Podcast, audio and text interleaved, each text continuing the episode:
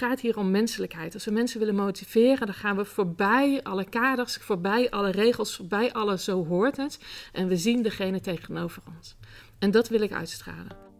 Wat leuk dat je weer luistert naar een nieuwe podcast van Inspire to Teach, waar leren inspireert. En deze podcast is speciaal voor bevlogen leerkrachten, hardwerkende hulpverleners en iedereen die geïnteresseerd is in leren, in motivatie, in mentale veerkracht.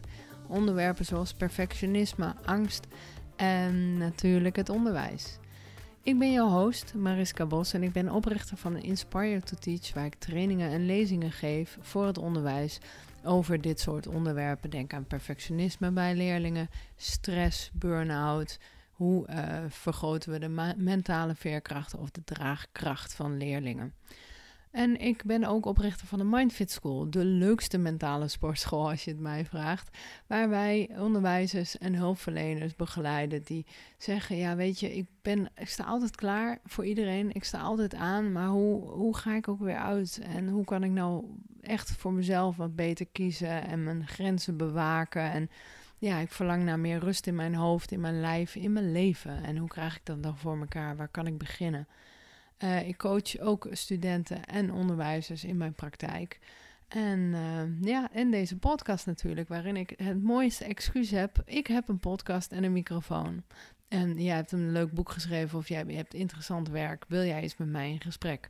En uh, zo ben ik ook in gesprek met Xandra van Hoof, waar ik speciaal anderhalf uur voor naartoe ben gereden. En we hebben een leuk gesprek, want uh, ja, ik heb uh, geloof ik het hele gesprek wel met een dikke grijns op mijn gezicht gezeten. En Xandra is uh, wel een bijzondere vogel, een paradijsvogeltje als je het mij vraagt. En zij, ja, zij, ehm, zij weet gewoon, ja, ze, heeft een visie, weet je wel. Zij weet gewoon het beste uit mensen te halen. Um, mensen die soms wat onzeker zijn over zichzelf en, en oordelen over zichzelf. En dat ze weer die mensen terugbrengt naar de kern. Wat is nou echt voor jou belangrijk en wie ben jij nou eigenlijk? En hoe je dat soort onderwerpen bespreekbaar maakt op een speelse manier, daar is Xandra gewoon heel goed in. Dus um, luister maar eens naar dit gesprek, waarin wij ook wat oefeningen samen doen. Uh, we kletsen een bol, we lachen. Uh, er komen wat goede boekentips. En als je die terug wil lezen, lees even de omschrijving van deze podcast. Daar kun je alles terugvinden. Ook waar je Xandra vindt en waar je mijn werk weer terugvindt. Ik wens je heel erg veel plezier.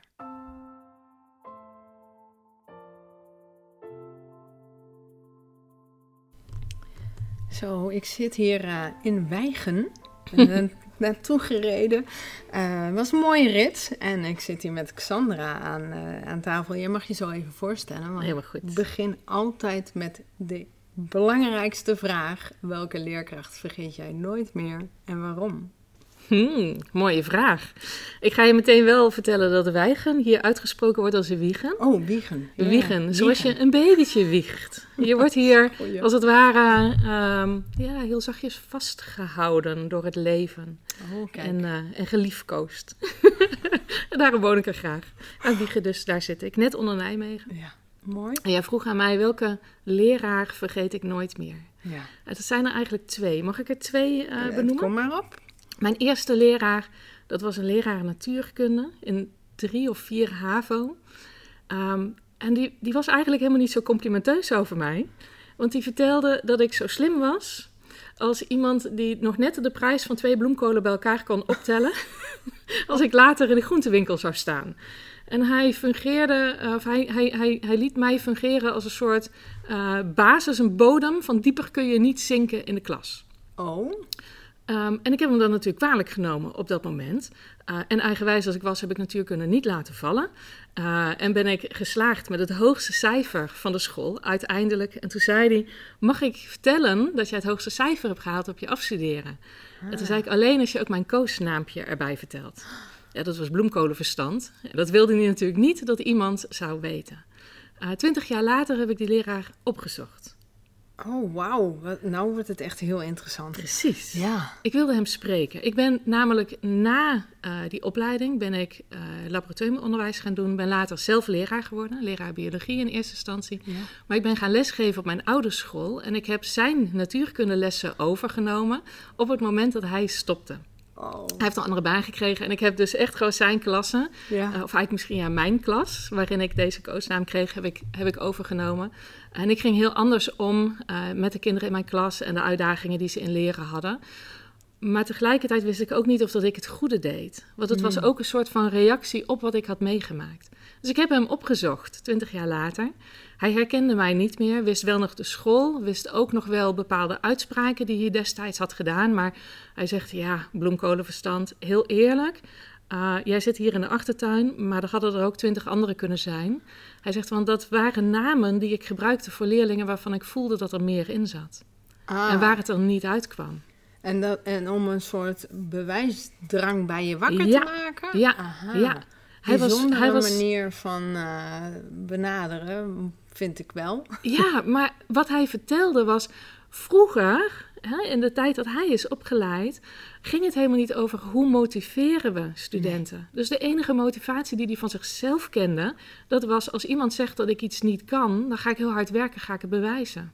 Aha, ja. Hij zegt, en heel veel van de kinderen die ik destijds zo heb aangesproken... die zijn er ook daadwerkelijk beter uitgekomen. Ik zei, nou, daar ben ik er ook even van. Want ik had zelfs het hoogste cijfer van de, van de school op dat moment. Ja. Ik ben met een 9,3 afgestudeerd, terwijl ik begon met vieren voor natuurkunde. Wat niet zeg, wil zeggen dat ik goed ben in natuurkunde hoor. Je moet er nu nog echt steeds niks meer over vragen.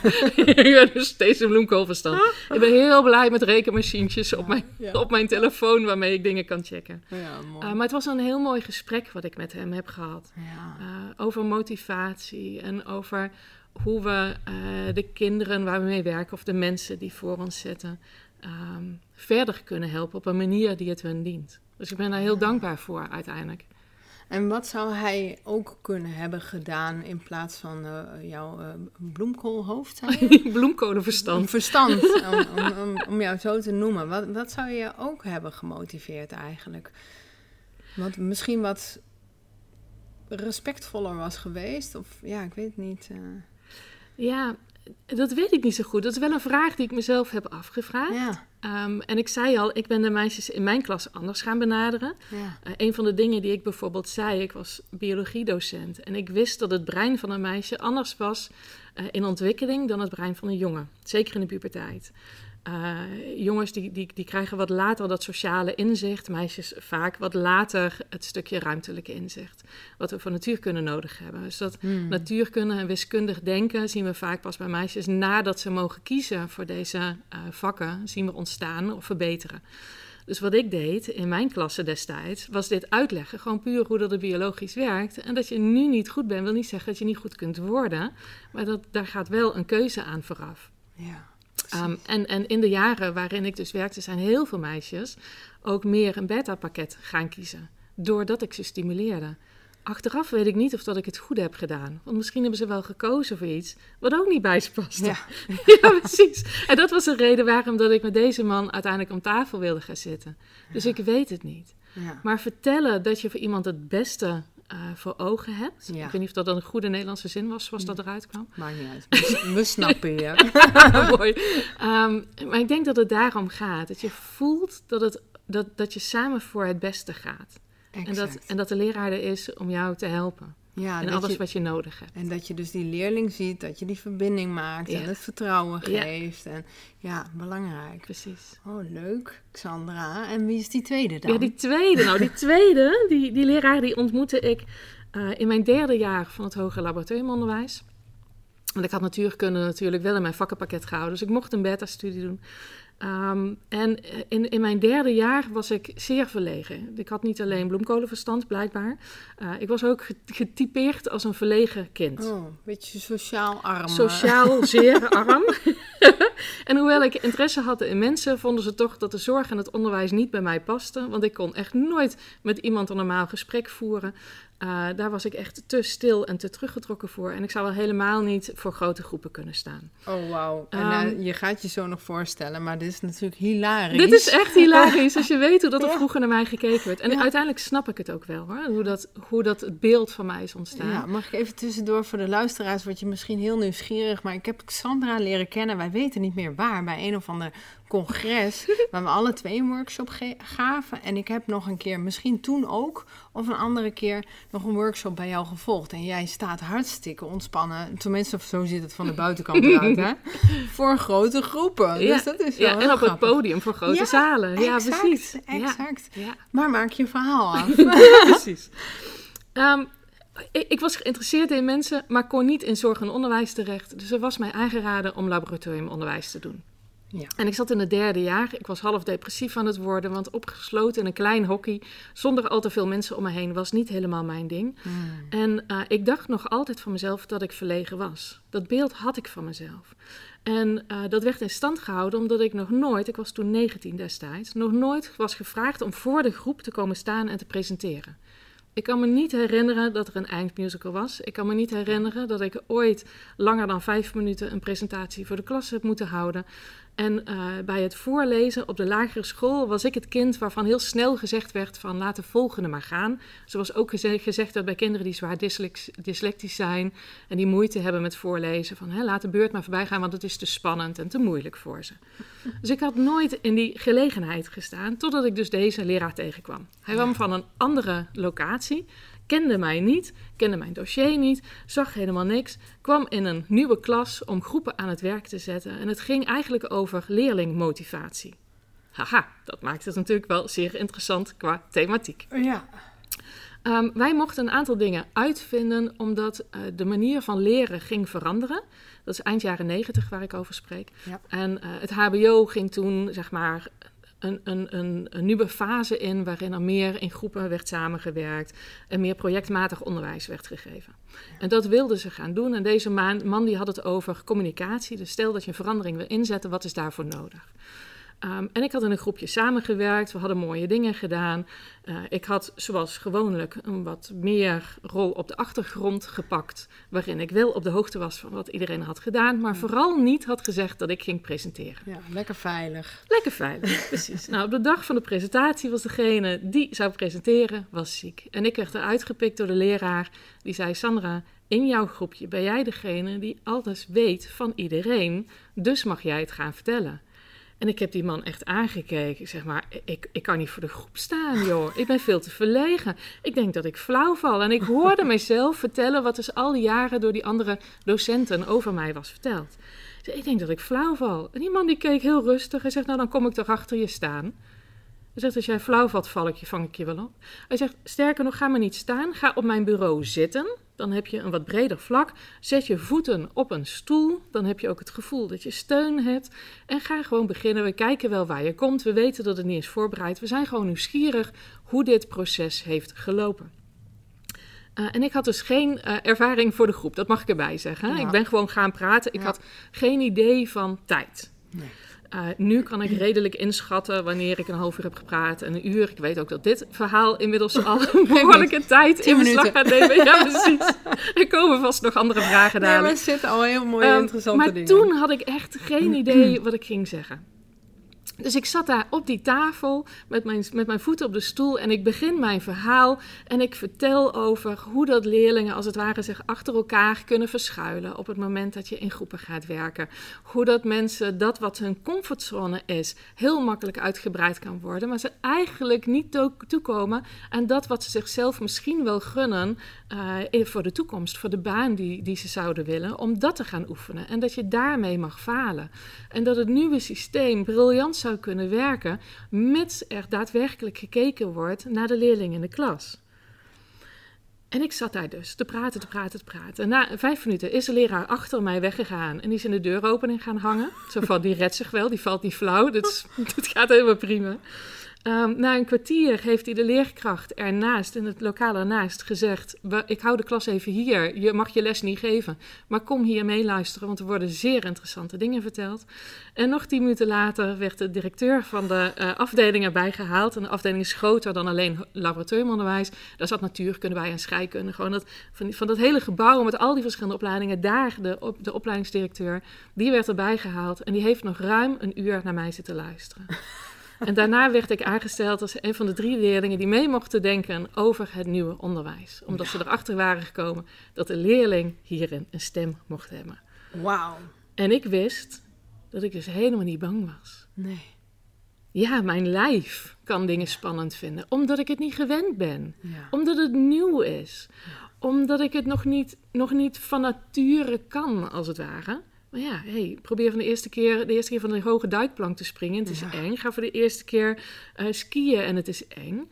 Ehm, dat heeft niks te maken met wie ik zou zijn of niet. Maar ja, omdat ik het geloofde, werd het wel gecultiveerd al die jaren door de leerkrachten. En dit was er eentje die dat doorbrak. Ehm, wat hij mij teruggaf, ik kreeg een, een, een, volgens mij een, een, een team voor de presentatie. en, het, en, de, en de aanbeveling om hier iets mee te gaan doen. Ja. Zeg maar, jij hebt inzicht in wat mensen beweegt, wat er gebeurt. Ehm, en, en hij zegt, ik zie je zomaar richting management doorgroeien. Ga eens kijken naar dat soort opleidingen. Nou, dat is het nooit geworden. Gelukkig niet. ik ben opgegroeid als notarisdochter. Ik weet eigenlijk niet of dat je dat wist van mij. Mm. Een notarisdochter in een Nee. mooie grijze pakkencultuur. Oh. En ik wist ook dat ik daar niet thuis hoorde. Nee. Ik wilde meer de menselijke maat, gewoon daarbij lopen, zoals ik ook op zaterdagochtend erbij loop. En me niet eh, in een pak hijsen met een stropdasje om, alsof ik, ja, ik weet niet, alsof ik een soort keurslijf aandoe, omdat ik dan pas eh, voor waar aangezien word. Ik dacht, het gaat hier om menselijkheid. Als we mensen willen motiveren, dan gaan we voorbij alle kaders, voorbij alle regels, voorbij alle zo hoort het. En we zien degene tegenover ons. En dat wil ik uitstralen. Menselijkheid. Ja, heel goed. Mooi. Ja, menselijkheid. Ja, ja. En daarom ben ik daarna dus de leraaropleiding gaan doen. Ja, En ga ik, door. eh, Wie ben je? ja, wie ben je? Wie, wat, wat doe je? dat is een betere vraag. een betere vraag.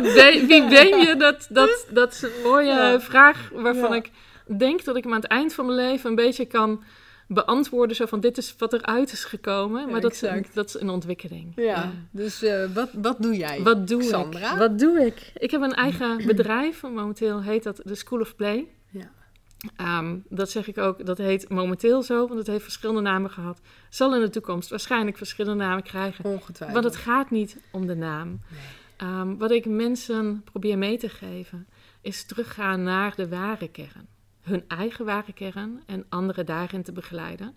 Omdat we voorbij de labels en voorbij zoals we denken dat we zijn, en met name de belemmeringen, zoals we denken dat we zijn, daar zit iets waar dat, ja, als het ware de bron van, van blijdschap woont. Mm. Je- als het ware je innerlijke giechelende goeroe, je onderbuikgevoel, dit klopt. Ja. Ehm, en daar willen we naar teruggaan. En dat Ja. doe ik op een manier dat ik niet ga kijken naar wat is er ooit misgegaan, wat heeft iemand je aangedaan, wat heb je allemaal over jezelf geloofd wat niet waar is. Mm.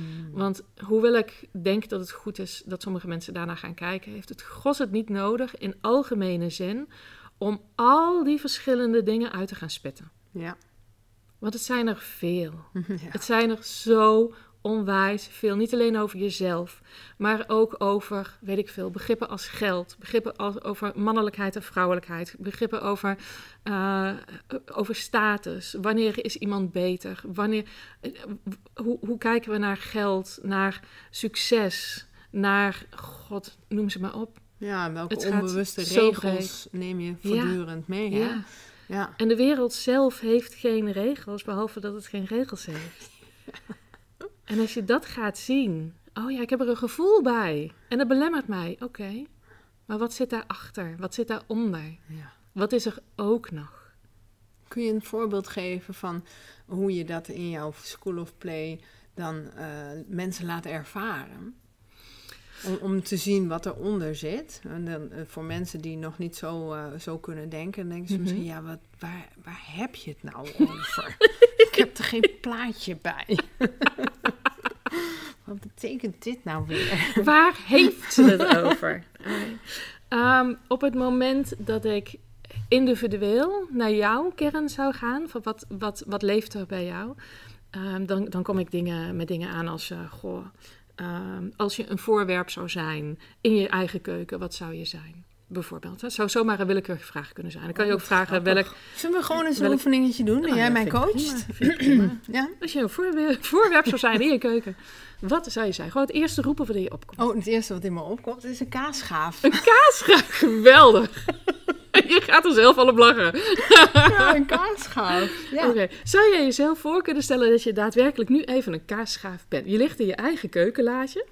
Dus je ziet Ja. ook je eigen snuffert als die la Ja. opengetrokken wordt. Ik heb een houten, houten eh, eh, handvat en ik ben eh, heel blinkend zilver scherp. Goed zo. Heb je een naam als... Gerry. Gerry. Gerry de kaasschaaf. Ja. Oké. Gerry, je krijgt van mij, normaal zeg ik een minuut, maar je krijgt van mij ook voor een halve minuut om gewoon eens wat te vertellen. Waar hou je van? Oh, ja. waar, eh, waar word je blij van? Ja. Hoe is het leven voor jou, Gerry? Nou, ik hou ervan om, om uit de la te komen en een warm vast te worden gepakt. En met een, ja, een stuk kaas in verbinding te komen. En zo'n kaas, zo'n beetje romig, maar ook dat je de geur van die kaas, dus niet te jong, maar een beetje oud en toch nog romige kaas. En die, dat we dan samen glijden.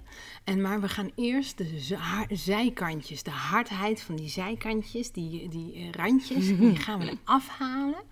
En dan, dan ook krijg je gewoon helemaal mijn steeds aan. Ja. Ik hou ook echt van kaas.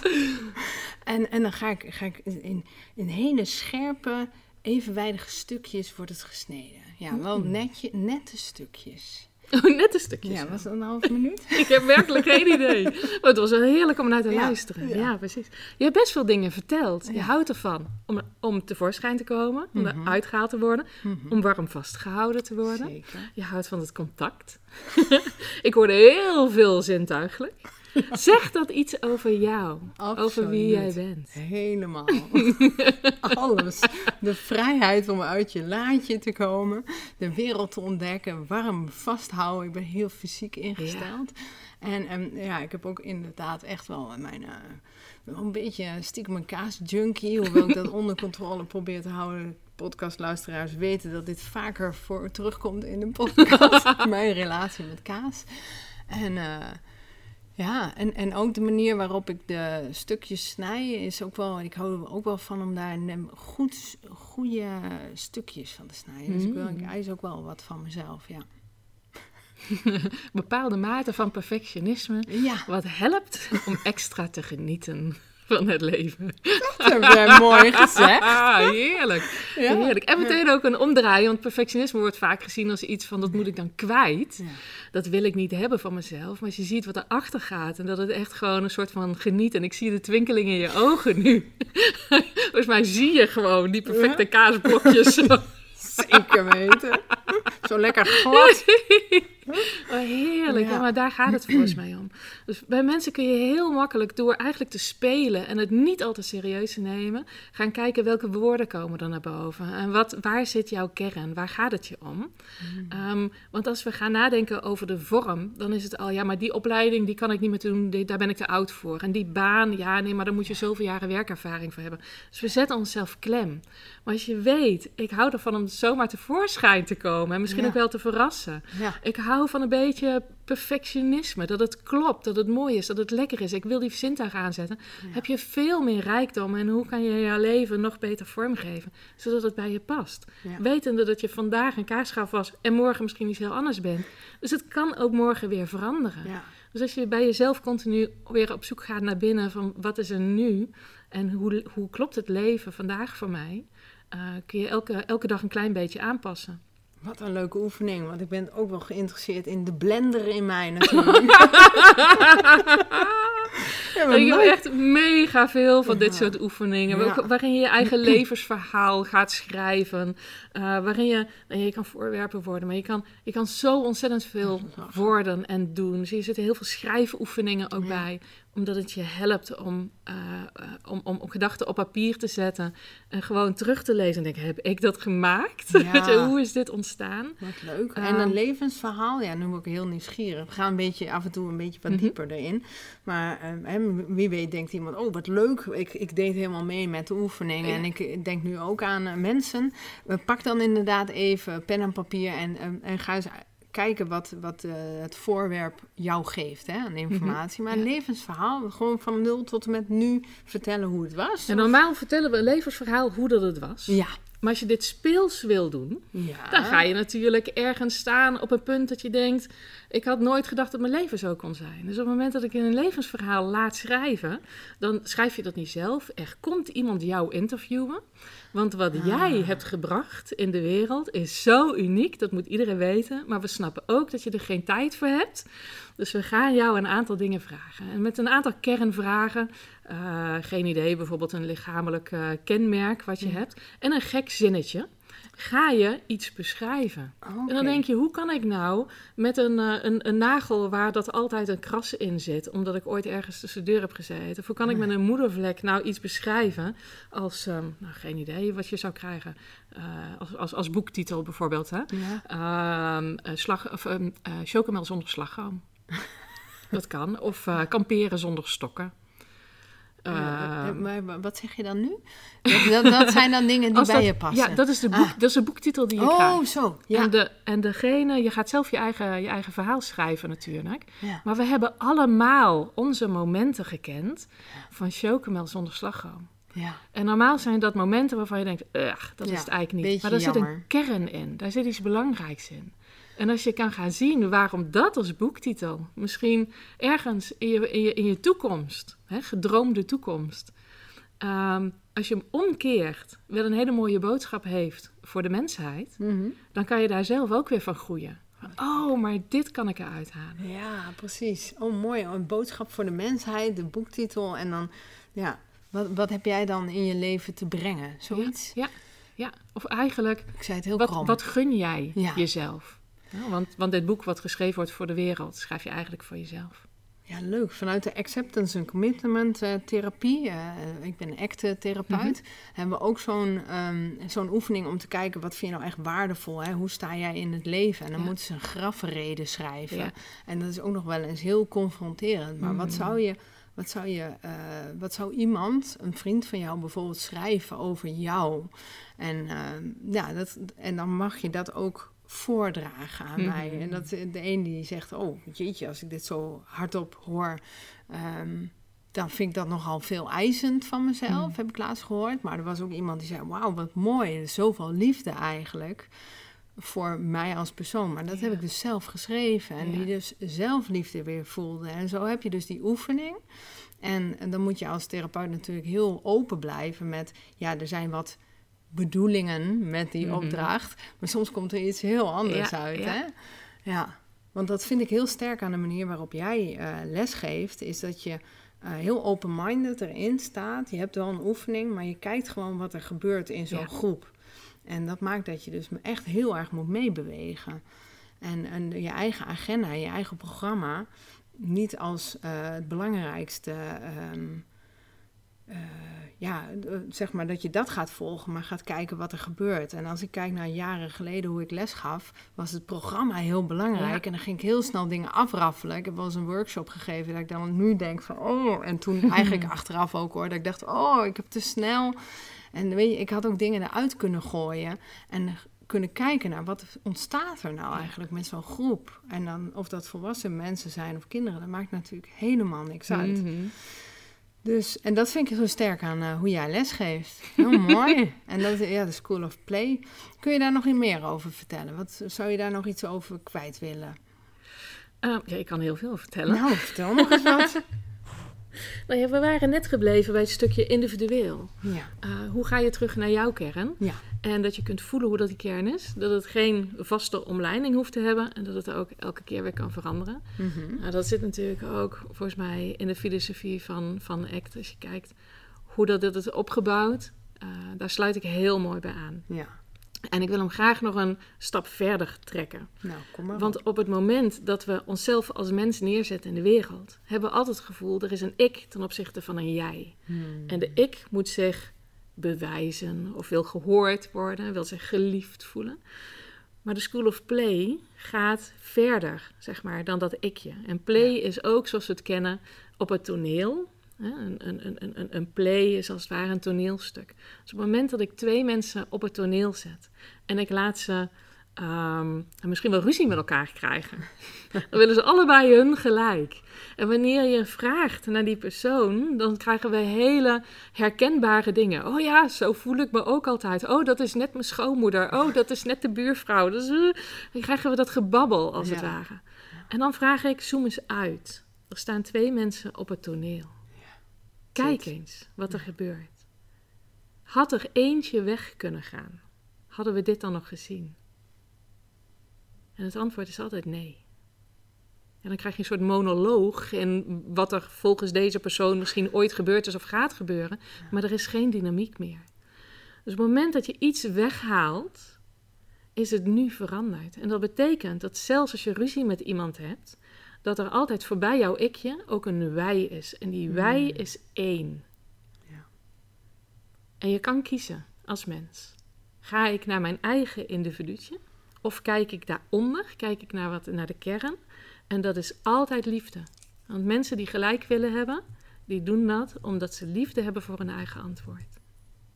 Oh ja, dat is mooi gezegd. Dus de kern is altijd oké. De kern is altijd heel. En dus zonder oordeel, hè? Ja. Je hebt het ook wel eens over non-dualiteit. Oh, heel vreselijk moeilijk woord. Oh, ik snap er nog steeds niks van. Uh, ik heb Paul Smit in, uh, in de podcast gehad. En mm -hmm. die heeft daar ook wel een klein beetje wat over gezegd. Maar kun jij daar nog iets meer over zeggen? Wat is dat nou eigenlijk? Um, kun je daar iets meer over Wil zeggen? je daar iets Wil ik daar iets meer over Wil zeggen? je wel die, die ja, kant op nou. in dit gesprek? je kijkt een beetje bang. Op het moment dat het woord non-dualiteit valt, dan heb ik al zoiets van non-duale watten. Ja. je moet er een woordenboek bij pakken om het, ja. om het te gaan snappen. Ja. Um, en tegelijkertijd, dan kan je zeggen, ja, het is, het is het tegenovergestelde van dualiteit. Maar ja, hoeveel mensen snappen nu werkelijk wat dualiteit is? En ik, oké, okay, ik ben biologiedocent. Laat ik het biologisch proberen uit te leggen. Ja, ik denk dat we dat gaan snappen. ik hoop het. Het is ook maar een ingang, een manier om woorden te geven. En iets wat eigenlijk geen uh, woorden ja. kan hebben, zeg ja. maar. Ja. Um, maar als we kijken naar, naar ons als mensen, we hebben een aantal uh, systemen. We hebben ogen, we hebben oren.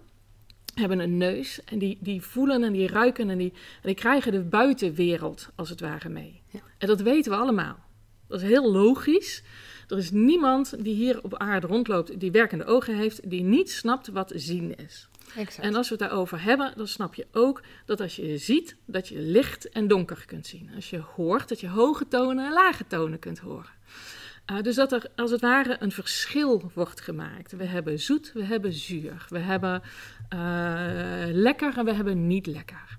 En die uiterste, als we dat zo zouden willen zien, dan, dan zou je dat zeggen als duaal. Mm -hmm. um, en, en duaal is, heeft, heeft meer te maken met uh, hoe dat we de wereld zien. Dus ook ons oordeel erover, onze gedachten erover, als goed of niet goed. Maar eigenlijk zeggen onze zintuigen, nou, het is, het is donker of het is licht.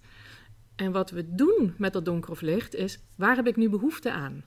Ja. Je behoefte aan licht, het is donker, dus het is niet goed. Dus er gaat een soort slag overheen. Onze zintuigen zijn gekoppeld aan onze behoeften. Ja, ik kan en dan hebben we het over dualiteit. yes. En dat is heel fijn dat ik weet wat mijn systeem, mijn klompje cellen, mijn lijf, waar dat behoefte aan heeft, waar dat voorkeur aan heeft. Want als ik op, op, op mannen val, dan moet ik niet met honderd vrouwen het bed in duiken. Daar zou ik ook gelukkig van worden. Dus het is goed dat ik vooraf feedback krijg. Nou, doe mij die kant maar, dan gaat het wat beter. Toch? Ja, mooi voorbeeld. Als je, als je lijf behoefte heeft aan, uh, aan eiwitten, dat je dan niet, weet ik veel, de hele chamin gaat eten. Oh, ik ben reclame aan het maken, mag niet meer. Oh, oh nou, in mijn podcast mag alles. Goed zo, in jouw podcast mag alles. Maar als je zeg maar zo'n hele snoepwinkel leeg ja. eet, want dat is niet waar je behoefte aan hebt. Dus ons lijf heeft het nodig om te weten, uh, ben ik op de goede weg? Maak ik de juiste keuzes? Maar daaronder ligt het leven zelf. Als we het over uh, uh, horen en zien hebben, of over smaak of over geur, dan heb je het uiteindelijk over, ja, wat zijn het? Golfjes. Ja. Het, is, het is licht. En licht is niet per se donker of licht. Een geluid is niet per se hoog of laag. Ja. Het, zijn, het zijn golfjes, het zijn golflengtes. Ja. Het is geluid, het is licht. Rood heeft een andere frequentie dan uh, geel. Precies, ja. precies. Ja. En het is maar, maar net dat, dat stukje wat we op dat moment op zouden kunnen vangen. En waarvan we kunnen voelen, is dit wat kloppend is met mij. Ja. En non-dualiteit vraagt je eigenlijk om weer het oordeelloze te zien. Dus voorbij dat wat voor mij kloppend is te gaan. En te zien, oh wacht, maar het gaat hier eigenlijk in de kern om, en dan hebben we basiswoorden. Het gaat om verbinding bijvoorbeeld. Of het gaat om liefde. Of het gaat om vooruitgang. Of het gaat om groei en ontwikkeling.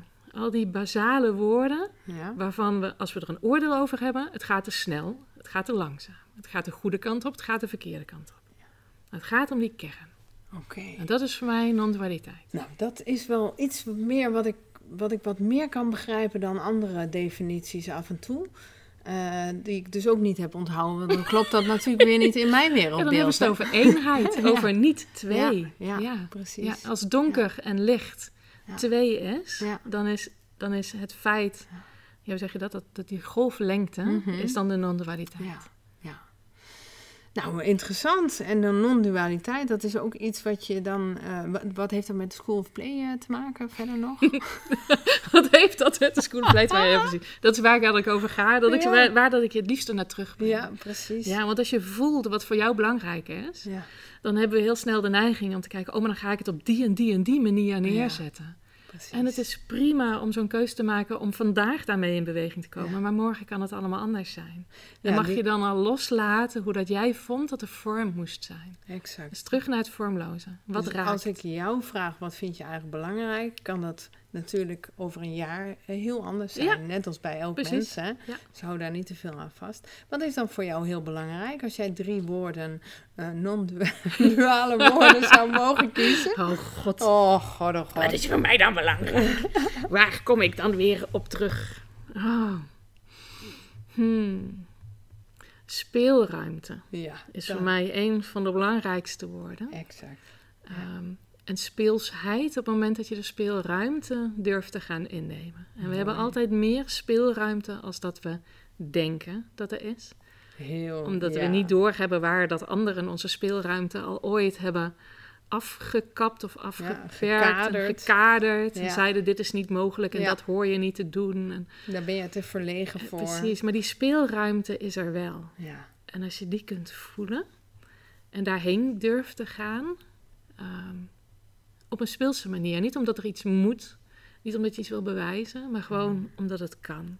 Oké, als, als de wereld er zo uit kan zien, als dit ook bestaat, waar dan? Hoe dan?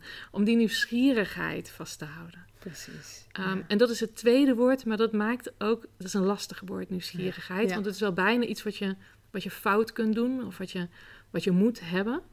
Maar het gaat echt om die, die pure nieuwsgierigheid naar jezelf. Oh, Ja. echt? Ja. Is, is dit vandaag? Oh, dat is vet. Dat je bijna met nieuwsgierigheid zo je hand kunt bekijken. En als je één hand in de lucht steekt en één hand een tijdje laat hangen. Ja. En je kijkt eerst naar de hand die omhoog is. En die kun je in de lucht steken, maar wel zo ongeveer voor je gezicht houden. En daar eens naar gaat kijken. En dan zie je allemaal lijntjes. En je ziet misschien plekjes die wat roder zijn of wat witter. En als je hem beweegt, dan zie je van alles. En dat voor weten de luisteraars, ik doe even lekker mee. Hè? We doen deze oefening samen. Doe even mee, tenzij je auto rijdt of op de fiets of zo. Niet doen. Als het veilig Als je is. wandelt, Ja, weet je wel, heel goed Ja, opletten. ja. Dan denken de mensen, jeetje, wat doe jij nou? Kijk eens echt naar die hand. En we weten wel dat het een hand is. En we weten wel dat er lijntjes zitten. Maar kijk er eens naar alsof het een pasgeboren babytje is. Dat je denkt, oh, maar als ik hem zo een heel klein zacht, beetje zachtjes beweeg. Ach, kijk dan, dan vouwt daar iets. Daar beweegt iets. Oh, en op dat lijntje lijkt wel een soort belletje te zitten. Een soort, een soort aftakkingje of een, een rondje. Die heb ik nog nooit heb, oh, gezien. ik heb hier echt een nieuwe lijn. Je hebt een nieuwe die, lijn. Die, heb- die kende ik nog niet. Ah, wat grappig. Ja. ja. En pak dan eens zo die andere hand erbij. En wat valt je dan op? Is er verschil? Ja, die andere is wat rozer. Ja. Ja. En die heeft een soortgelijke lijn van de lijn die ik net heb ontdekt. Dat ik denk, hé, misschien zaten die er al veel langer. ja. Ja. En sommige mensen die hun handen laten hangen, krijgen ook van die witte puntjes ineens. Oh ja. Die zegt, het is, ik heb gewoon een aardbei. Een op een gegeven aardbei. moment, oh nee. en op een gegeven moment verandert die hand die hing ook weer Ja. in de hand die altijd al omhoog was. En die verwondering, de pure biologische verwondering, wauw, hoe fantastisch eigenlijk. En dat je kunt zien dat het leven zo werkt. Als we het over eten hebben bijvoorbeeld, dan hebben we het over nou, boodschappenlijstjes maken, eten klaarmaken, misschien een koelkast, of dat daar nog iets fatsoenlijks in staat en het proces van naar binnen werken. Ja. Maar eten gaat ook over je vertering en wat er van binnen gebeurt. En hoe wonderbaarlijk het is dat al die bacteriën in je darmen, dat die dat voedsel gaan verteren, zodat jij daar iets mee kunt. En dat dat allemaal aan de gang is, terwijl je eigenlijk helemaal niet beseft dat jij op dit moment met eten bezig bent. Ja. En die pure verwondering voor het leven, hoe fantastisch is dat? Dat dat continu gebeurt zonder dat ik daar moeite voor hoef te doen, zonder dat ik daar beslissingen voor neem, zonder dat ik daar de beste in ga worden of de buurman ga bewijzen dat ik dat echt wel kan. Nee, het leven gebeurt je gewoon. Ja. En dat je daar met verwondering bij kunt zijn. Hoe Mooi. fantastisch ben ik Ja. vandaag. Ja, mooi. Dus playfulness, een een speelruimte Ja, speelruimte. en eh, nieuwsgierigheid en verwondering. Ja. Mooi, mooi. Heb je er nog één? Of horen die een beetje bij elkaar? Had ik een beetje het gevoel. Komt er nog één, hè? Ja, de derde heeft, heeft te maken met, met verbinding, met engagement. Hmm. Omdat we nooit, ehm, nooit alleen maar dit klompje cellen zijn. Wij maken contact. Hmm. En hoe kun je misschien wel met, met speelsheid en verwondering contact maken met een ander? En daarbij zijn. En niet Ja. meer bang zijn voor ruzie. Niet meer het nodig hebben om, weet ik veel, je grenzen te bewaken of nee te zeggen. Maar om te voelen als ik blijf bij wat in de kern voor mij belangrijk is. En ik praat daarover met de ander. Dan kan diegene mij begrijpen. Dan kan er misschien iets nieuws ontstaan. En diegene die kan ook dwars tegen mij ingaan, kan ik weglopen. Want die speelruimte heb je ook altijd. Ja. En dat je daarbij kunt blijven. Dat je in contact, echt in contact durft te gaan. Zonder dat je, ehm, als het ware, een panzer nodig hebt of al weet hoe dat de uitslag moet zijn. Hmm. Mag ik nieuwsgierig zijn naar dit contact? Wetende dat het moment dat je contact maakt, ja, er is een, een ikje, er is een klompje cellen, dat weet ik. Maar op het moment dat je contact maakt, dan sta je als het ware op dat podium. Dan is die wij er. En die wij is als het ware een nieuwe ik. En wat gaat die wij ontdekken? Dat is fantastisch. Ja, en als je dan op die manier in gesprek bent met anderen, de, al die verhalen of alles wat, je, wat dan moet van jezelf, al die regeltjes, die laat je dan los. Ja. En dan, dan ga je wat minder snel, denk ik, in zo'n zo'n discussie, zo'n Mhm. geweld, eh, geweldvolle communicatie in plaats van geweldloze communicatie, verbindende communicatie. Ja, precies. Ja, mooi. Deze podcast wordt mede mogelijk gemaakt door de Mindfit School, de leukste mentale online sportschool voor een flexibele mind en een fijn leven. Ga naar www.mindfitschool.nl als je verlangt naar meer rust in je hoofd, lijf en leven. Probeer een maand lang gratis de Mindfit School en kijk op mindfitschool.nl. Wie zijn jouw grootste inspiratiebronnen eigenlijk? Daar was ik wel benieuwd naar. Dat is een hele goede vraag. Ja. Mijn, mijn grootste inspiratiebronnen, dat zijn over het algemeen de mensen ehm, die boeken hebben geschreven. Ik ben echt een boekenlezer, veel Mm. meer als een podcastluisteraar. Eh, die boeken hebben geschreven over dingen waarvan ik denk, oh, nu heb ik woorden voor dat wat ik al ervaar. Ehm, en, en, en tegelijkertijd zijn er ook wel af en toe mensen geweest die mij nieuwe dingen hebben gegeven. Oké. Bijvoorbeeld Brené Brown. Ja, die heeft nieuwe dingen gegeven. Die heeft nieuwe dingen gegeven, ja. Ja. En wat dan? Ik heb ehm, ergens in 2011, 2012, ik denk 2011, ben ik haar tegengekomen. En toen had ze net haar eerste twee boeken geschreven. Dus ook haar beginperiode geweest nog. Ze had nog geen eigen bedrijf, ze was nog niet heel erg bekend in de wereld. Ehm, maar Weet ze, je nog de titels van de boeken? Oh ja, hmm. Ik ga, mag ik het je later doorgeven? Ja, dat je het ergens er tussendoor kunt zetten? Ja, dat. En dan eh, zorg ik sowieso dat het in de show notes komt. Ehm, volgens mij was het haar eerste boek wat ik heb Is gelezen. de kracht van kwetsbaarheid? Nee, ze zijn in een andere Ah. volgorde vertaald bij ons. De Ah. kracht van kwetsbaarheid is volgens mij haar derde Ja. boek geweest. Haar Oh, eerste ja. boek ging over schaamte, want Ja. zij was hoogleraar op een universiteit. Zij deed onderzoek in het sociale domein en zij schreef over schaamte en schuld. Ja. Of eigenlijk, zij vroeg mensen naar wat is verbinding voor jou? En zij kreeg verhalen van mensen over het niet ervaren van verbinding. En dat bleken momenten te zijn waar mensen schaamte en schuld gingen ervaren. Of waar schaamte en schuld in het spel kwam. Hmm. En zij schreef in dat boek een aantal dingen over schaamte. En ik dacht, ja, jongens, schaamte. Weet je, schaamte. Ja, ja, pff. ja, ik heb ook wel eens schaamte, weet ik veel, voor de putten in mijn billen. En dat ik daarom liever niet aan het strand loop. Ehm, maar schaamte heeft toch niet echt een grote impact in mijn leven. Hmm. En zij zat op dat, op dat randje van, noem ik het nog schaamte of noem ik het al kwetsbaarheid? Ja. En op een gegeven moment schreef zij in haar boeken dat zij ehm, eh, met een programma was gekomen.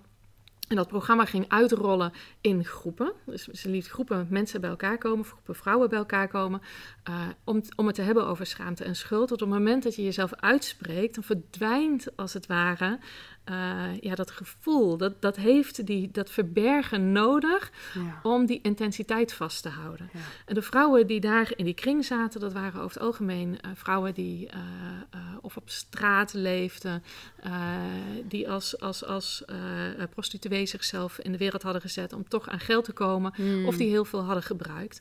En daarmee soms ook, ehm, ja, misschien ook wel niet het goede hadden gedaan voor hun kinderen. Ja, Ja. als je daar al een oordeel over kan hebben. En zij spraken daarover. Van, ik, ik ben niet de moeder geweest die ik had willen zijn. Ik heb niet de keuzes gemaakt die goed voor me waren. En Brené Brown die kwam dus als, als, als, als, als het ware als buitenstaander in die kring. En die kreeg de vraag van die vrouw... ja, maar wat heb jij dan meegemaakt? Wat, he- wat is dan zo erg bij jou?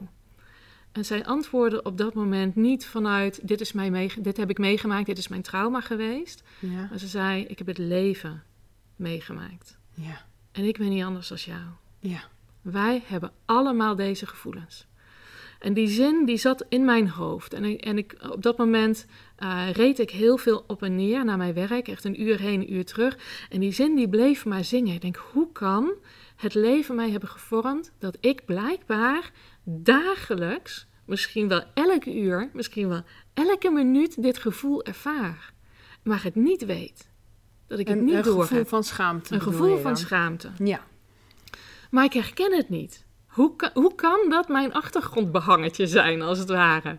Want ik, ik, ik, zie hem niet. Ik weet niet waar dat hij Het zit. is als, eh, als de metafoor van je bent die vis en je ziet het water niet. Want Ja, je, bent, je vindt het zo normaal. Precies. Ja. Maar het zette mij wel aan het denken. En op een gegeven moment, ehm, het, het- ik was er bijna klaar mee. Toen dacht Mhm. ik, nou ga ik, ik ga de boek aan de kant leggen. Eh, ik ben blijkbaar de enige uitzondering. Ik ken geen schaamte, behalve voor die putten. Precies. Als je mij lastige uitdagingen geeft, dan ga ik ze aan. Inmiddels sta ik ook voor groepen, weet je wel. Ik, ik heb hier geen last van. En, en, en ik kwam verder in haar boek en toen las ik op een gegeven moment een zinnetje... eh, waarin zij uitlegde, als je veel empathie hebt, dan heb je ook veel schaamte.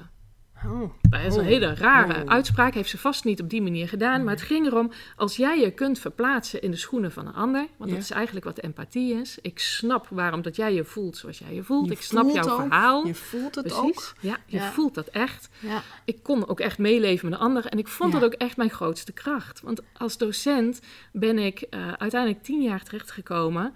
eh, voor groepen in, in justitiële jeugdinrichtingen, jeugd GGZ. Ik heb lastige doelgroepen voor me, voor me gehad. En mijn grote kracht was dat ik empathisch was. Ja. Als je mij vroeg, Sandra, wat is je allerbeste kwaliteit? Als je die als een van de eerste gehoord. Dus, hè? En, en dan hoor je ineens, of je leest ineens in zo'n boek van Brené Brown... als je heel empathisch bent, heb je heel veel schaamte. Ik dacht, shit joh. Ik was er al bijna klaar mee. Het moet er dus toch zijn. en dat was zo'n zo'n reminder. Ga nou eens goed kijken. Waar Ja. zit die nou? Ja. Waar zit die nou echt? En, en ik snapte wel wat zij schreef, want ik kon me verplaatsen in de schoenen van de ander. Ik, ik kon de wereld zien vanuit de ogen van de ander. Ehm, en ik snapte dat ik daardoor ook vanuit de blik van de ander naar mezelf kon kijken. En daarin mezelf veroordelen. Maar ik was nog steeds zoiets van, daar heb ik geen last van. Totdat ik het experiment aanging.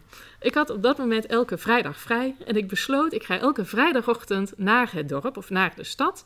En ik ga kijken wat ik tegenkom. En als ik iets tegenkom, ga ik het anders doen. Nou, En, en wat dan ik tegenkomen? kwam, nou ja, mezelf ja, tegenkomen. de, de weerstand, Ja. en schaamte, Ja, en, ongemakkelijke Precies, gevoelens. Ja, ongemakkelijke gevoelens. ja. Oké, oké. Ehm, en en nou, het eerste wat ik tegenkwam was op weg naar het dorp. Ik kwam een stoplicht tegen. Ja. Oh. En hij ging op groen en ik dacht, nu moet ik wegrijden. Maar er stonden drie auto's achter me en ik ben even gaan wachten. Ja? Totdat degene achter mij ging toeteren. En toen ben ik alsnog met rode wangen heel snel weggereden. En toen voelde ik, hier zit hij. Dit, Ah. dit is dus wat ik... En ik ben blijkbaar zo goed in het vermijden van rotgevoelens... dat ik niet doorheb dat ik ze heb. Ja. Maar als ik commentaar krijg dat ik te lang voor stoplicht blijf staan... of dat ik niet goed inparkeer... of dat ik... Nou, echt alles. In die stad, joh. Ik, ik, het was, er was een markt en ik liep rechts. Rechts op de heenweg. En dan ga je aan de andere kant... eh, ga je aan de andere kant terug. En je loopt met de stroom mee. Ja. Totdat ik door had, ik loop met de stroom mee. Wat gebeurt er als ik nu stil blijf staan? Wat gebeurt er als ik aan de andere kant blijf staan? En toen merkte ik, oh, ik wil opzij stappen. Zodat mensen geen last van me hebben. Of ik wil bij voorbaat sorry zeggen. Hè, voor het geval dat je tegen me aanbotst. En toen zag ik ineens, oh, ja, ik doe alles best wel braaf om het niet... eh, precies. Die braafheid, die zit dieper als dat ik dacht dat die was. Ja. En dat is in, nou ja, 2011, 2012 geweest. Dat heeft echt mijn wereld opengebroken. ja. Niet omdat ik, niet omdat ik voor, de, voor de buitenwereld, als het ware, de, stoere chick wilde zijn. Of dat ik wilde bewijzen dat ik het niet was. Maar omdat ik ineens voelde dat het mijn oordeel erover was. Hmm.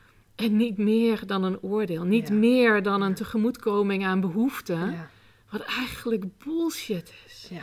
En het is netjes en ik kan er nog altijd voor kiezen. Maar als ik daardoor mijn leven ga laten beperken, dan gaat het voelen als werken, als moeite doen. Als, ehm, en als ik commentaar krijg, voelt het pijnlijk. ja, precies. Alsof ik niet goed genoeg ben als Ja. mens. En daar heeft het niets mee te maken, maar ook echt helemaal niets. Nee. Nee.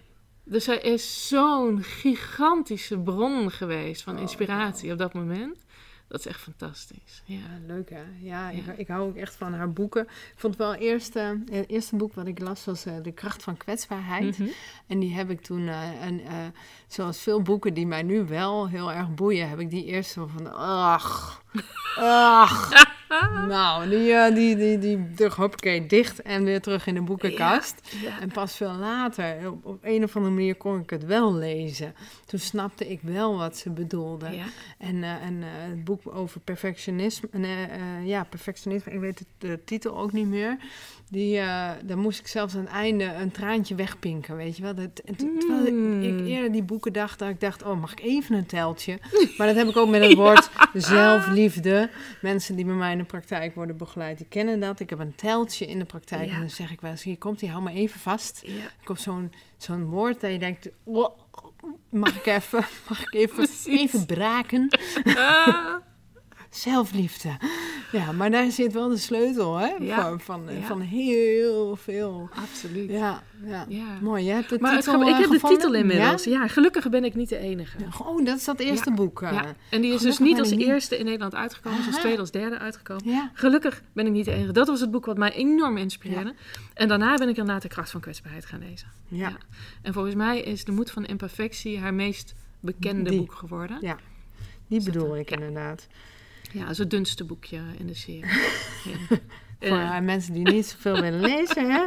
En eh, een Storytel, eh, die heeft ook allerlei boeken en allemaal audioboeken van die audio-apps en zo. fantastisch. eh, dat Ja. vind ik wel, wel eens lekker bij saaie huishoudelijke klussen. Lekker een Ja. audioboekje aan. Mooi, mooie inspiratiebron. Brené Brown. En, en, en kun je er nog eentje noemen? Eh, poeh, Wat kun jij lekker vertellen trouwens? dankjewel. Dat gaat gewoon een hele riedel door. Je gooit er een kwartje in en dat gaat door. Hè? Heerlijk. Hadden ze dat nou vroeger op de middelbare school maar geweten. Nou, echt hè? Echt hilarisch. Nou, Ja. weet je wat het grappige is? Daar ben ik dus pas veel, veel later achter gekomen. Nou, In de tijd dat die leraar mij ehm, eh, eh, veilig plantte op zijn bureau, omdat ik flauw zou vallen als ik voor groepen zou spreken. heel goed. Ja. Ehm, in die tijd eh, woonde ik in, eh, in, een, in een grote studentenstad en ben ik daar tweede geworden in, een, eh, in, zo- in zo'n in zo'n competitie, zeg maar. God, hoe heet dat nou? Ehm, ah, Ik denk iets van cabaret, improvisatie. Nee, nee, nee. Dat je, dat je, debat. Je moet, debat, ja. Ja. Het was het, ik was tweede in de debatwedstrijd. en ik, ik, ik, we, we- de- de- het was gewoon zo'n zo'n zo'n zo'n groep, weet je wel, die dan een heel jaar traint en dan een wedstrijd doen. En ik zag ergens een foldertje liggen en ik dacht, oh, dat is leuk. Ik ga gewoon meespelen. en ik ben een huisgenoot opgetrommeld. En voor mij gaan dat met z'n tweeën doen. En ik werd tweede. Ik had geen idee wat het was. Ik ben er daarna ook nooit. Ik ben ook niet, niet lid geworden van die vereniging. Ik vond het gewoon leuk. Ja. Maar pas halverwege mijn, mijn, mijn, mijn 30, weet je wel, ik ben 35, 36 en inmiddels al lang bezig met Brené Brown. Toen eh, dacht, k- keek ik terug naar mijn verleden en dacht ik dus aan dit stuk. En toen dacht ik, ik heb mijzelf daadwerkelijk gewoon met mijn billen op een bureau geplant, omdat ik dacht het was flauw te vallen. Maar in mijn vrije tijd heb ik dus in, rondom diezelfde tijd, in, in, in diezelfde maanden, buitenschool dus gewoon een podium gepakt. Bizar hè, hoe je soms in een schoolgebouw, waar dus, want daar heb je de verhalen gehoord Ja. van, van docenten, zei hè? Precies. En, En en, en, blijft en dat dus dacht binnen ik dat, dat ik zo was. Ja. ja. Ja, ja, ja. Ja, we moeten echt oppassen met wat we geloven, wat andere mensen over ons zeggen. Nou, hoor. absoluut. Ja, Ja. ja, wat leuk. En eh, de inspiratie, Oh, ja. Ja, dus, maakt niet uit, maakt niet uit. Ik hoopte er overheen te kunnen Nee, praten. en het- ik vind het ook erg scherp van mezelf. Ik ben wel verbaasd over, want eh, ik kan lekker afdwalen. Je bent heel goed. Je bent heel goed. Ik ben vandaag wel Nou, scherp. Ehm, wat, mij, wat mij afgelopen zomer ontzettend heeft geïnspireerd, is het boek eh, De Immense Wereld van Ed Jung. Oh, vertel. En dat is, ja, dat is mijn biologie-achtergrond. Ja. Uh, maar hij geeft een blik ehm, uh, om de wereld te begrijpen vanuit, vanuit dieren, vanuit de zintuigen van dieren. Dat is fantastisch hoe dat hij schrijft over het zicht en over gehoor. En daar hadden we het aan het begin van, van Ja. de podcast over. Dacht, uh, die, die titel die wil ik je wel noemen voor mensen die denken... oh, ik wil weten hoe dat, dat biologisch zit. ja. Um, hij vertelt echt fantastisch daarover. De immense Mooi. wereld. Nou, Enorm van genoten deze Leuk, zomer. leuk, Ja. leuk. Mooie boekentips alweer. Welke vraag zou jij willen dat ik jou zou stellen? Oh god. Ja, ik ben even blanco namelijk. oh, ben jij blanco? ik ben wel scherp, maar ik denk wel, hé, welke kant gaan we eigenlijk op in dit gesprek? ja, precies. Maar ik, ik ben wel ook een, een clown en een improvisator. Dus op het moment dat je denkt, welke vraag zou ik je stellen... zie ik ons meteen op het toneel staan... en, en, en, en hoor ik je als het ware zo'n... mag ik je zoenen? Omdat ik denk dat zo'n vraag... ehm, ongeacht wat het antwoord zou zijn... zo spanning kan brengen tussen ons. En nu zitten we heel gemoedelijk te praten over... Uh, Jij waar houdt van, we van een beetje spanning, Ik hou van een Een beetje spanning. beetje ja. wrijving. Ja, ja. Ja. dat vind ik leuk. Want ik, ik, ben, ik heb mijn eigen theater, improvisatietheatergroep eh, opgericht. Ter plekke heet het. Omdat Oh, ik wilde... Ja, ik, daar heb ik ter plekke verzonnen. en ik wilde heel graag meer spelen en meer... Want ik weet, improvisatietheater, dat is ja zeggen tegen Ja. alles wat er komt. Eh, je, je laten verrassen, eh, meebewegen. Het is, ik weet dat mijn juf José, sorry juf, eh, die zegt dat ik dat eigenlijk niet mag zeggen... maar het heeft toch een heel erg therapeutische waarde, hè? Mhm. En ehm, eh, dus dat is wel iets wat wij alle twee doen, hè? dat improviseren, Mhm. dat gekke. En, en eigenlijk ben ik gewoon veel te, veel, een veel te bang meisje om elke keer op een podium te staan. maar ik doe het wel. Ik geef wel die trainingen, lezingen en Ja, dergelijke. ja. En dat verlegen meisje, dat, dat je denkt, oeh, ik vind het allemaal... En dan gaan mijn oksels gaan zweten en mijn Ja. hart gaat kloppen. Maar ik, ik zoek het ook op.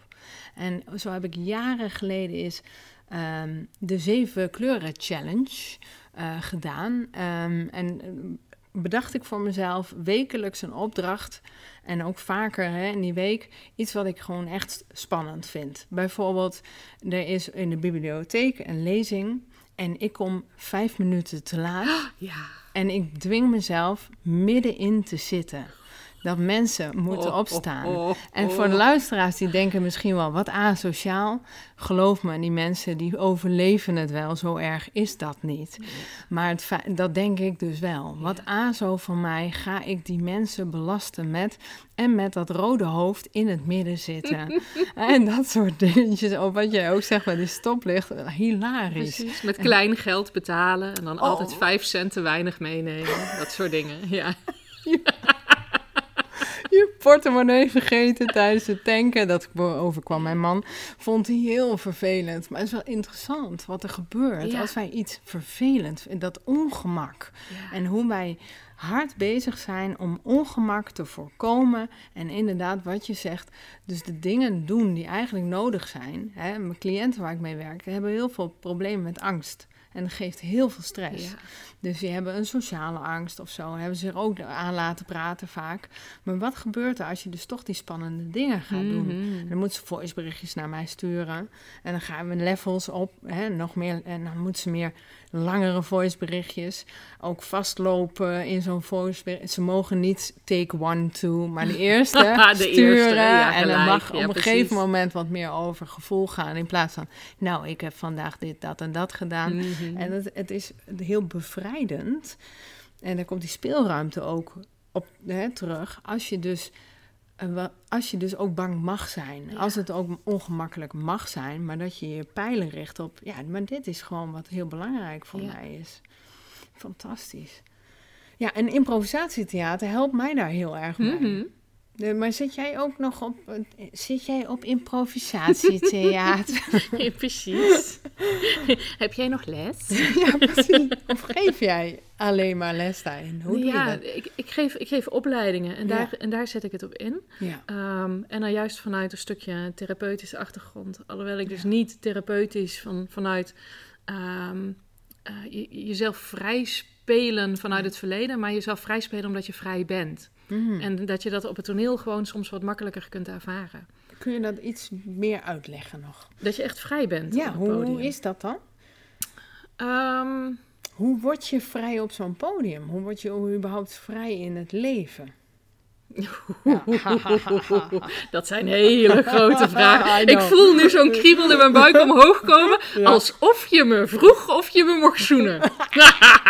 Yes! We zijn er. Goed, ik ben spontaan ook de vraag vergeten. Hoe word je... Ja, dus, nou ben je bij weg, hè? Hoop, hoop je bij mij ook een blackout.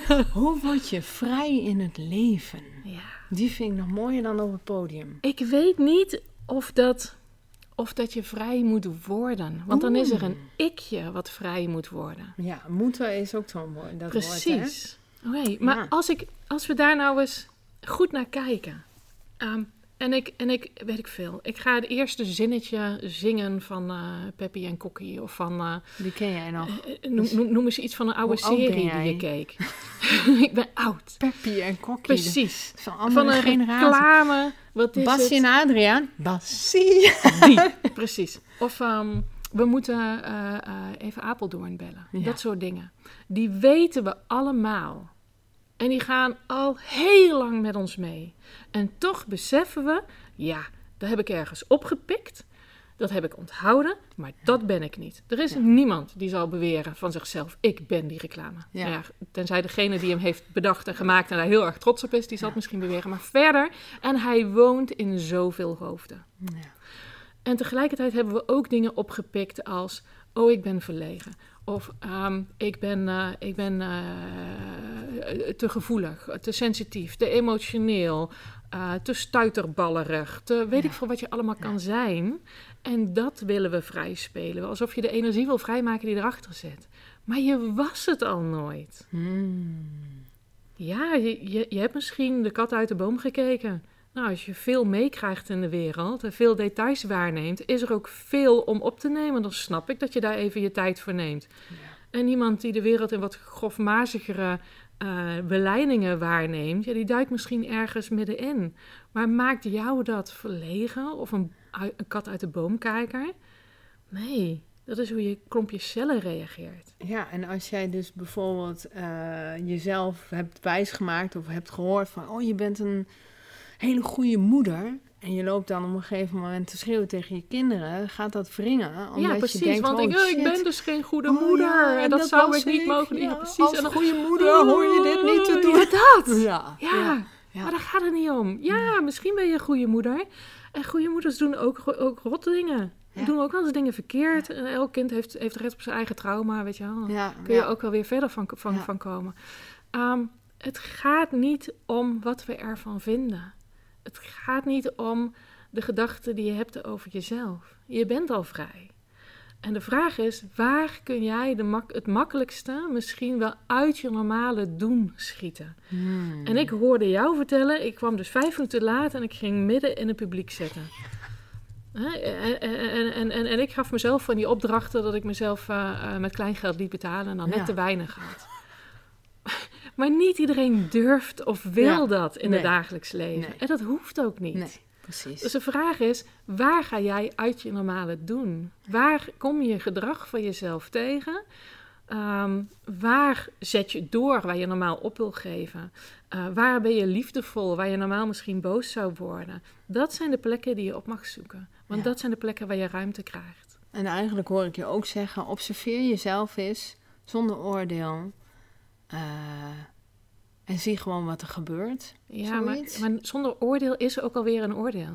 Observeer Ja. jezelf. En Oh, als er ja. een oordeel komt, dan besef je, oh, daar had ik Oh, een ja. oordeel over. Ja, precies. Dat, dat, dat kun je prima doen. Weet je wel. Ga, op, ga op een willekeurig terrasje zitten. Het wordt eigenlijk weer beter weer. Dan hoop ik dat er terrasjes komen. Ga op een willekeurig terrasje zitten. Kijk eens wie er langs komt lopen. En wees jezelf er af en toe bewust van... Oh, daar heb ik een gedachte over. Oh ja. Daar heb ik ook een gedachte over. Oh ja, we hebben weer een oordeel. En dat je dat- dat je herkent dat je, dat, je al, dat je vol zit met allemaal verhalen. Ja, precies. En dat je daar doorheen kan kijken. Als je ziet dat een verhaal echt alleen maar een verhaal is... en dat het niks zegt over jouw ware kern... Hmm. dan kom je er los van. Nou, dat vind ik wel een heel mooi antwoord. Dus ja, de verhalen herkennen, lekker. En dan wil ik toch eens even kijken wie er eh, ook een zeven kleuren challenge eh, met zichzelf. Als je dat toch denkt, nou, dat ga ik ook eens doen. Ga dat doen. En eh, een, een mooi verhaal was dat ik toen in de biep diezelfde avond nog kwam ik Oh. iemand tegen. Ik zei, hé, hey, wat leuk, hoe is het met je? Ja, we zijn in eh, Dark at the Park in Hengelo. Dus dan zo'n avond, eh, gedichten, er komen allemaal mensen. En, en, en, en worden, dichters worden gevraagd om, om voor te dragen. En nou ja, wel een hele mooie avond. Maar we zijn nog op zoek naar dichters. En toen daar zei ik, oh, ik ken nog wel iemand. En toen vroeg ik ter plekke een vriend en die zei, ja, niet. En toen zei iemand tegen mij, hé, hey, maar jij schrijft toch ook wel eens gedichtjes? En ja, die zijn voor mezelf.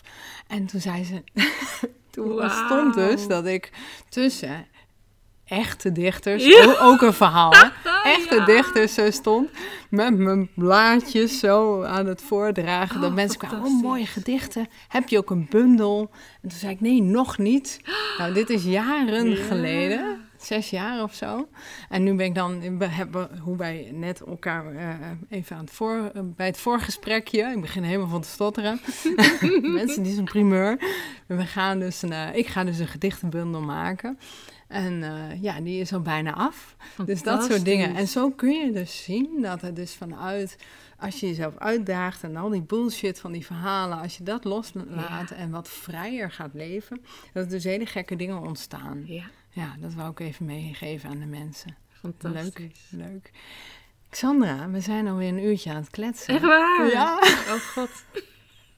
Is er nog iets waarvan je zegt, nou, dat vind ik wel heel leuk om de, om de luisteraars nog mee te geven? Een anekdote, een tip, iets wat je meegeeft voordat ik je ga vragen, waar kunnen ze jou vinden? Mm. Ik denk even na en ik Ja. voel even heel diep. Ja. Uh, want dit is natuurlijk dus een zeer belangrijke boodschap.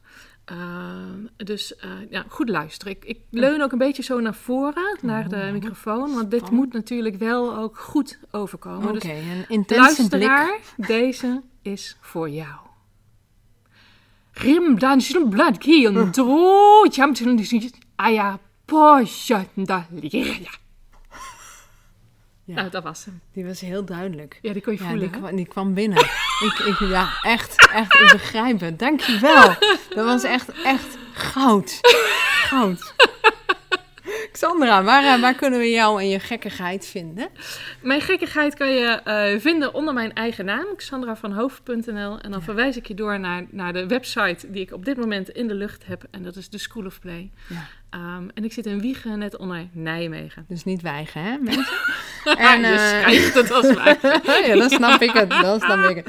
Oké, en in de show notes, hè, de, de omschrijving van deze podcast, kun je natuurlijk de boekentips vinden. En natuurlijk de, eh, hè, social media en, en jouw website vinden, mochten mensen je willen volgen. Heb je nog een leuke nieuwsbrief die je dan schrijft? Ik weet dat het antwoord ja is. Ja, ik, schrijf, ik schrijf nieuwsbrieven. Ja, leuk. Ik schrijf zelfs heel veel. Ja, best wel, maar Ja. je schrijft leuk. En als mensen zeggen, oh, nou ben ik wel nieuwsgierig naar. eh, is er een knop op jouw website? Dan kun je inschrijven of zo? Op de voorpagina van mijn website staat als het goed is ergens, geen idee waar precies, Onderaan maar waarschijnlijk. de mogelijkheid om een nieuwsbrieven. En het Ja. staat in het menu, staat het erbij. En ik schrijf in mijn nieuwsbrieven best vaak over wat ik meemaak. Met voorbeelden over improvisatie en hoe dat ik het inzet. Ehm, niet zo heel vaak eh, over wat je zelf kan doen. Als mensen willen spelen, op mijn website staat ook een stukje. Eh, met allemaal speelse uitdagingen om eh, eh, zelf aan de slag te gaan. Jezelf beter te leren kennen. Mhm. En de wereld met nieuwsgierigheid tegemoet te treden. Als ze dat leuk vinden, kunnen ze dat daar vinden. Ehm, en ik ben, en dat wil ik wel nog even noemen, want jij vroeg naar inspiratiebronnen. Ja. Ik ben best veel aan het schrijven over de drie principes. En dat is voor mij een manier om non-dualiteit, als we daar al over mogen hebben, maar ook de menselijke ervaring uit te leggen en in de wereld te zetten. En de drie principes is afkomstig van Sydney Banks. Geen idee of je de naam ooit gehoord hebt Nee? een, een, een Schotse lasser ergens in de jaren zeventig die een verlichtingservaring heeft gehad. En ineens zag, oh wacht, ik leef in mijn eigen verhalen. En dat heeft uitgelegd op een hele simpele manier. Hij zegt, als jij een menselijke ervaring hebt, of dat je je nu boos voelt, of bang, of blij, of schaamte, maar je hebt hem niet door, dat komt door drie dingen. Eén, je leeft. Dat lijkt me een hele logische. Je Ja. leeft. Twee, je hebt ergens een gedachte over. Die kan bewust zijn of onbewust zijn. En die kan zelfs aangestuurd worden door klopjes cellen. Dat je helemaal niet weet dat je er al een oordeel over had. Maar je lijf weet hoe dat jij daarover denkt. En drie, het wordt geanimeerd. Dus je kan het voelen. En, en nou ja, als je al begonnen met we hebben ergens een gevoel bij, dan is het Ja. logisch dat het geanimeerd wordt, Ja. dat we het kunnen voelen. We zeggen die drie maken de menselijke ervaring. En En daar als schrijf jij over. En daar schrijf ik over. Ja. Ja. over de verschillende componenten. Over het leven zelf schrijf ik heel graag. En met veel liefde. En, en zelfs met moeilijke woorden, zoals non-dualiteit. Ik schrijf over verhalen, over gedachten. En over hoe dat we dat soms mogen doorprikken. En, en ehm, als, het, als het toevallig opkomt, schrijf ik over mijn eigen leven. Hmm. Of verhalen van vroeger uit de klas deel ik nog. Ehm, omdat ik ook graag voorbij het verhaal wat ik over de leerling had wilde kijken. En ik schrijf heel veel over die gevoelens. Over dat wat er ontstaat. Wat er in het theater van ons lichaam als het ware ervaren kan worden. Dus als mensen daarin geïnteresseerd zijn, dan eh, mogen ze mijn nieuwsbrief gaan volgen. Of op social media. Prachtig theater van het lichaam. Mooi. Dankjewel, Xandra, voor je tijd. Ja, dankjewel dat je hier naartoe kwam. Fantastisch. Ja, ja leuk. Dit gesprek en wat er is ontstaan. Ja, mooi. Dankjewel.